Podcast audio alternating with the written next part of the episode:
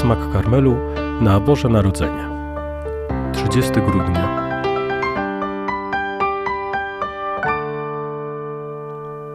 Kolejny, szósty już dzień oktawy Bożego Narodzenia.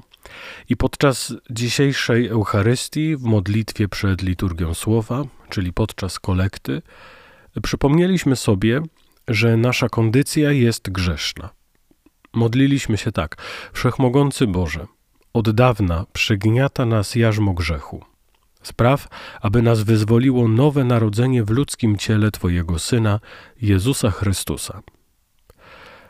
Pewnie każdy z nas przygotował się do świąt poprzez spowiedź.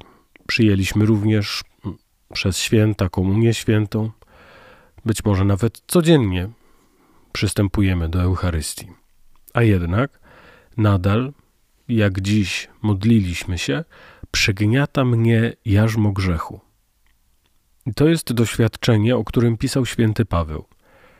Czynimy zło, którego nie chcemy. Pragniemy dobra, a jednak czynimy zło. Dlaczego tak jest? Tak naprawdę my sami z siebie nigdy byśmy zła nie wybrali. Dlatego, że zło jest złem, a nasza natura dąży do dobra. Ale istnieje w nas takie przekłamanie, które dziś zostało w tej modlitwie nazwane jarzmem grzechu. I to przekłamanie, to jarzmo grzechu powoduje, że zło i grzech przybierają dla nas pozór dobra. I czasem tym dobrem będzie po prostu przyjemność. Szczególnie bowiem w dzisiejszych czasach zostało nam wmówione, że określenia dobry i zły mogą być używane zamiennie z określeniami przyjemny i nieprzyjemny. To, co przyjemne jest dobre, to, co nieprzyjemne jest złe. Tymczasem wiemy doskonale, że nie wszystko, co przyjemne, jest dobre i odwrotnie, nie wszystko, co nieprzyjemne, jest złe. Jeśli jednak jawi się przed nami coś przyjemnego, nie zważamy często na znaczenie moralne tego czynu, ale przedstawia się nam ten czyn jako dobry, dlatego że jest przyjemny. Podobną analizę możemy zrobić sobie z określeniami typu użyteczny i nieużyteczny, wymagający i niewymagający i z wieloma innymi. Ale zawsze musimy jednak pamiętać, że zło jest złem, a dobro dobrem. I aby w sobie to jarzmo grzechu unieść i nie pozwolić mu kierować nami, musimy ćwiczyć nasz umysł i naszą wolę. Po to, by rozum potrafił rozpoznawać dobro. Taką umiejętność rozumu nazywamy sumieniem. Sumieniem, które szlifujemy na przykład podczas rachunku sumienia, najlepiej codziennego. To jest dobra praktyka.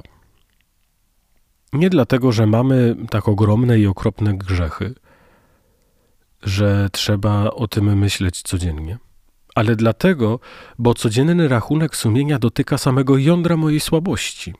Nie tyle odkrywam, że obmawiam, ale odkrywam, że obmawiałem dzisiaj Kasię z pracy. Tak naprawdę zrobiłem to dlatego, że zazdroszczę jej czegoś.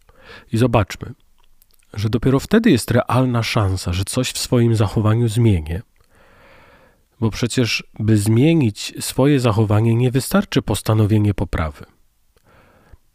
Często trzeba odkryć korzeń grzechu, z jakiego powodu coś robię, czego w tym konkretnym czynie szukam. Bo jeśli konkretny grzech jawi mi się jako przyjemny, to gdy sobie to uświadomię, Wtedy mogę świadomie zdecydować nie iść za tą przyjemnością, ale wybrać to, co podpowiada mi sumienie. I tu dochodzimy do drugiego powodu. Nie tylko rozum potrzebuje tego szlifu, tego ćwiczenia, również nasza wola musi się umacniać w dobrych decyzjach. I może warto byłoby spróbować w nadchodzącym roku robić choćby krótki rachunek sumienia codziennie Dziś również o doświadczeniu walki o dobro i unikanie zła mówi nam święty Jan Apostoł. Zobaczmy, że to poznanie Boga, które może być naszym udziałem dzięki modlitwie, dzięki lekturze Słowa Bożego, dzięki przyjmowaniu sakramentów, że jest ono źródłem szczęścia i radości. Jeśli starać się będziemy być blisko Boga, wtedy o wiele łatwiej będzie nam wybierać dobro, a uciekać od zła. Dlaczego? Ponieważ coraz mniej będziemy uzależnieni od tego, czy dany czyn jest przyjemny czy użyteczny, a coraz jaśniej będziemy dostrzegać to wewnętrzne zło moralne tego czynu, które jest zapakowany w kolorowy papierek użyteczności, przyjemności czy jeszcze innych ukrywających prawdę spraw. Pamiętajmy, przypomina nam dziś o tym święty Jan.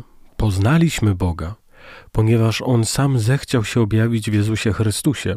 Dostąpiliśmy odpuszczenia grzechów, jak dziś czytaliśmy, ponieważ Jezus z miłości do mnie i do Ciebie postanowił wziąć te grzechy na drzewo krzyża. Naprawdę zwyciężyliśmy złego, ponieważ sam Jezus, będący w nas, go zwyciężył.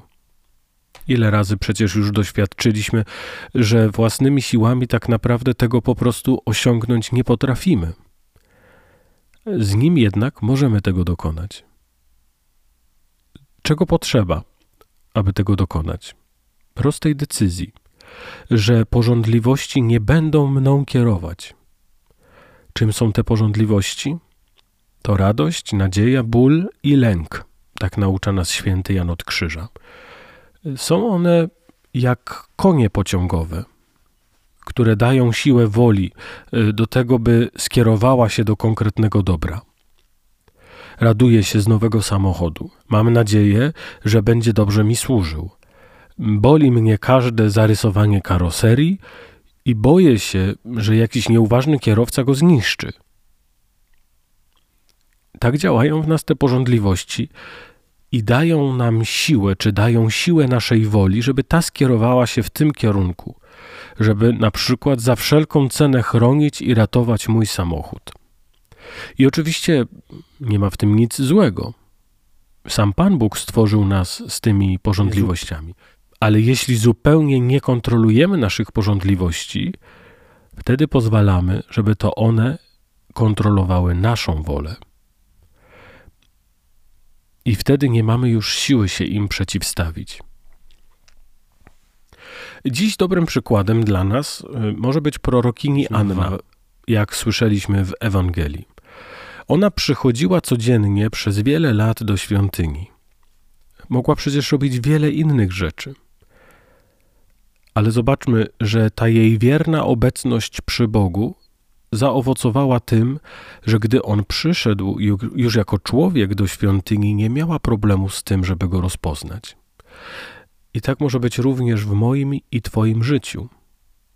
Przez trwanie przy Bogu, codzienną modlitwę, przez kontakt z Nim, przez Słowo Boże i poprzez sakramenty, uczymy się rozpoznawać Jego obecność a wtedy będzie nam o wiele łatwiej dostrzec Jego oblicze w najbliższych, w tych, których codziennie spotykamy.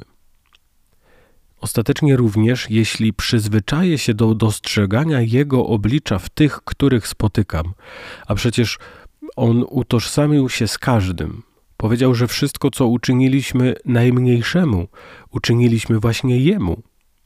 Więc jeśli się przyzwyczaję do odkrywania Jego oblicza w najbliższych, Wtedy nie będę miał problemu, aby odkryć Jego obecność w codzienności oraz odkryć Jego obecność wtedy, gdy przyjdzie w chwale.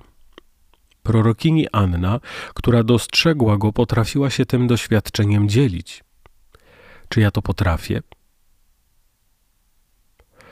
Pamiętajmy również, że obecność Boga staje się coraz bardziej dostrzegalna właśnie w codzienności jak dziś słyszymy, że dziecię rosło i nabierało łaski i mocy właśnie w Nazarecie. Dokładnie tak jest również z tą Bożą obecnością. To właśnie w naszym Nazarecie On na nas czeka, w prostych sytuacjach codzienności, kiedy rutyna uderza nas i czasem całkowicie zniechęca.